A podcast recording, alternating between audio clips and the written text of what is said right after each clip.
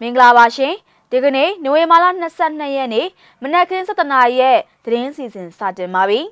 ကျွန်မကတော့အစီအစဉ်တင်ဆက်သူရမုံပါရှင် NUG ရဲ့ငွေတိုက်စာချုပ်ကို9နာရီတီတီမှာရောင်းချတော့မှာပါကလေးမျိုးမှာရှိတဲ့စစ်လက်နက်ပစ္စည်းတပ်ရင်ကို PDF ပူပေါင်းတပ်ဖွဲ့ကဝင်တိုက်ခိုက်လိုက်ပါတယ်မင်းငင်းမျိုးနယ်မှာရှိတဲ့ကျေးရွာနှစ်ရွာမှာပြူစောထီတွေကိုတနက်ထုတ်ပေးကင်းဆောင်ခိုင်းပြီး ကြောင်းဖွင့်ပေးဖို့ပြင်ဆင်နေတဲ့သတင်းတွေအပါအဝင်စီးပွားရေးသတင်းတွေကိုလည်းတင်ဆက်ပေးတော့မှာပါ။ဦးဆုံးသတင်းသဘောက်အနေနဲ့အမျိုးသားညီညွတ်ရေးအစိုးရရဲ့ငွေတိုက်စာချုပ်တွေကိုဒီကနေ့မနက်9:00နာရီတိတိမှာစတင်ရောင်းချတော့မယ်လို့ NUG ကကြေညာလိုက်ပါတယ်။ဝယ်ယူသူရဲ့ကိုရေးအချက်လက်တွေကိုအထူးလုံခြုံတဲ့နည်းပညာနဲ့အမတ်ခံချက်ပေးထားတဲ့အတွက်ကြောင့် စိုးရိမ်ကြောင်းကြခြင်းအလျက်မရှိဘဲနဲ့ရုံရုံကြည်ကြည်ပူးပေါင်းဆောင်ရွက်ကြဖို့အတွက်တိုက်တွန်းလိုတယ်လို့ NUG ကဆိုပါတယ်။ဒါအပြင်ဘဏ်ငွေလဲစနစ်ကိုအတက်နိုင်ဆုံးအစွမ်းကုန်စ조사ပြင်ဆင်ပေးထားတဲ့အတွက်စိတ်ချလုံခြုံစွာငွေလွှဲပြောင်းပေးဖို့နိုင်ကြောင်းတအုပ်ချင်းအပြင်စုပေါင်းဆက်ပေါင်းလဲဝယ်ယူနိုင်တယ်လို့ NUG ကဆိုပါတယ်။စုပေါင်းဆက်ပေါင်းဝယ်ယူရမှာကိုစားဝယ်ယူသူက မိမိရဲ့အစုအဖွဲ့ဝင်တဦးချင်းရဲ့ကိုရေးအချက်လက်တွေကိုအတိအကျဖြစ်သွင်းသွားဖို့လိုအပ်မှာဖြစ်ပြီးတော့ငွေတိုက်စာချုပ်တွေကိုအစုအဖွဲ့ဝင်တဦးချင်းစီကိုတည်တံ့ထုတ်ပေးသွားမှာဖြစ်ပြီးအစုအဖွဲ့ဝင်တဦးချင်းစီကအနည်းဆုံးဒေါ်လာ100ဝယ်ယူဖို့လိုအပ်မယ်ဖြစ်တယ်လို့ NUG ကဆိုပါတယ်။ NUG ကရောင်းချမဲ့ငွေတိုက်စာချုပ်မှာ၄မျိုးဖြစ်ပြီးတော့ဒေါ်လာ100ဒေါ်လာ1000ဒေါ်လာ900နဲ့ဒေါ်လာ9000တို့ပဲဖြစ်ပါတယ်ရှင်။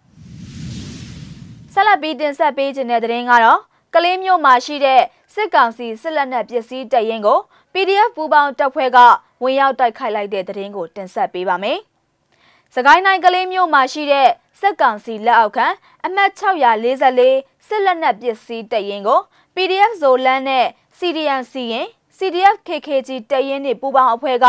မနေ့ကညနေ6နာရီမိနစ်30အချိန်မှာဝင်ရောက်တိုက်ခိုက်ခဲ့ကြောင်းဒေသကာကွယ်ရေးတပ်တွေကသတင်းထုတ်ပြန်လိုက်ပါတယ်။ရန်တိုလောင်ယုံတချို့ပောက်ကွဲပျက်စီးမှုတွေရှိခဲ့ပြီးတော့စစ်ကောင်စီတပ်ဖွဲ့ဝင်တွေထိခိုက်ဒေဆုံးမှုရှိခဲ့ကြောင်းပြည်သူ့ကာကွယ်ရေးတပ်ဖွဲ့တွေအားလုံးထိခိုက်မှုမရှိဘဲနဲ့ပြန်လည်ဆုတ်ခွာနိုင်ခဲ့ကြောင်းသတင်းထုတ်ပြန်ထားတာပါ။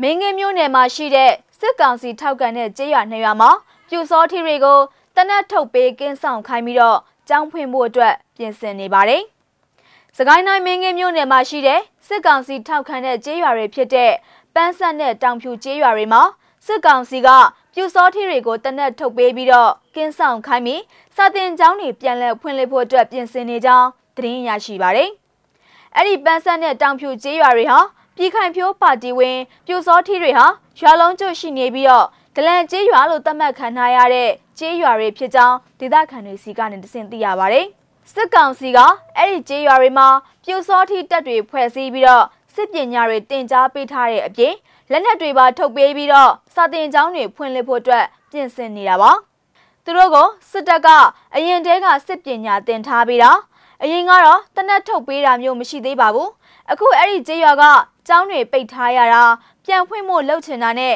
ပြူစောထီတွေကိုတနက်ထုတ်ပေးပြီးကင်းဆောင်ခိုင်းမှာဖြစ်တယ်လို့မင်းကင်းပြည်သူ့ကာကွယ်ရေးတပ်ဖွဲ့ PDF တအူးကအေယာဝတီတိုင်းကိုပြောကြားခဲ့တာပါ။နိုဝင်ဘာလ၁ရက်နေ့မှာစာတင်ကျောင်းတွေအားလုံးကိုစက်ကောင်စီကပြန်လည်ဖွင့်လှစ်ခဲ့ပေမဲ့မင်းကင်းမြို့နယ်အတွင်းကကျေးရွာအများအပြားမှာစာတင်ကျောင်းတွေကိုပိတ်ထားရဆဲဖြစ်ပြီးတော့အခုလိုမျိုးပြူစောထီတွေကကင်းဆောင်ခိုင်းပြီးပြန်လည်ဖွင့်လှစ်နိုင်မှုပြင်ဆင်လာတာဖြစ်ကြောင်းသိရပါတယ်။ ပြီးခဲ့တဲ့ဇူလိုင်လ28ရက်နေ့ဒေသခံပြည်သူ့ကာကွယ်ရေးတပ်ဖွဲ့ PDF တွေနဲ့အဲ့ဒီကျေးရွာနှစ်ရွာမှာရှိတဲ့ပြူစောထီးတွေအကြောင်းတိုက်ပွဲတွေပြင်းထန်ခဲ့ပြီးတော့ပြူစောထီးတွေကညှိနှိုင်းမယ်လို့လိန်လည်ပြောဆိုခဲ့တဲ့အတွက်ရွာအတွင်းကိုခေါ်ဆောင်ပြီး PDF တွေကိုဖမ်းဆီးခဲ့ရမှာ PDF 58ဦးထိဖမ်းဆီးခံခဲ့ရကြောင်းသိရှိရပါတယ်။ဒါ့အပြင် PDF တပ်ဖွဲ့တွေကိုပြန်လည်ခုခံမှုအတွက် စကိုင်းတိုင်းအတွင်းမှာရှိတဲ့မြို့နယ်38ခုကပြူစောထီးတွေကိုစစ်ကောင်စီတပ်ဘက်ကစစ်ပညာတွေလေ့ကျင့်သင်ကြားပေးပြီးပြီဖြစ်ကြောင်း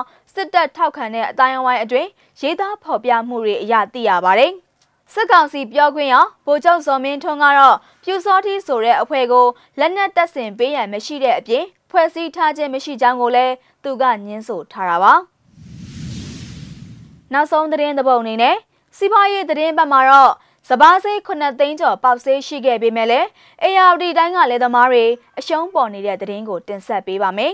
။စပားတင်းတရားကို9သိန်းကျော်ပေါက်ဆေးရှိပေမဲ့ ARD တိုင်းကလည်းသမားတွေအရှုံးပေါ်နေကြောင်းဒေသခံလည်းသမားတွေထံကနေသိသိရပါတယ်။ပေါ်ဆန်းစပားတင်းတရားကို9သိန်းကျော်စပားအကျန်းတင်းတရားကို9သိန်းကျော်ပေါက်ဆေးရှိနေပေမဲ့မိုးစပားစတင်စိုက်ပျိုးစဉ်ကတွင်အားစုတွေဖြစ်ကြတယ်။ဒီဇယ်စိဓာတ်မြေဩဇာ ပိုးသက်ဆေးနဲ့ပေါင်းသက်ဆေးရိတ်သိမ်းချွေလဲခဈေးနှုန်းတို့ဟာအရင်ကထက်နှစ်ဆကျော်မြင့်တက်နေတဲ့အတွက်အရှုံးပေါ်နေရခြင်းဖြစ်ကြောင်းဒေသခံလယ်သမားတအုပ်ကဆိုပါတယ်။စပားဈေးကကောင်းပေမဲ့လည်းအရင်ကထက်ဒီဇယ်ဓာတ်မြေဩဇာအစရှိတဲ့သွင်းအားစုတွေကအရင်ကထက်နှစ်ဆကျော်လောက်ဈေးတက်နေတဲ့အတွက်အရှုံးပေါ်တယ်လို့ပဲပြောရပါမယ်။အခုချိန်ကစပားစပေါ်ကစားမှုဒီဈေးပေါက်တာနောက်ပိုင်းပို့ပြီးဈေးကြဖို့ပဲရှိတယ်လို့ဘိုးကလေးမြို့ခံလဲသမားတအုပ်ကပြောကြားခဲ့တာပါ ဒီဇယ်52ကားလန်ပါတပီပါကိုအရင်နှစ်တွေကအမြင့်ဆုံးသသိန်းခွဲဝန်းကျင်အထိသာပေါက်ဈေးရှိခဲ့ပေမဲ့လည်းလက်ရှိမှာတော့ကျပ်3သိန်းခန့်ဈေးပေါက်နေကြောင်း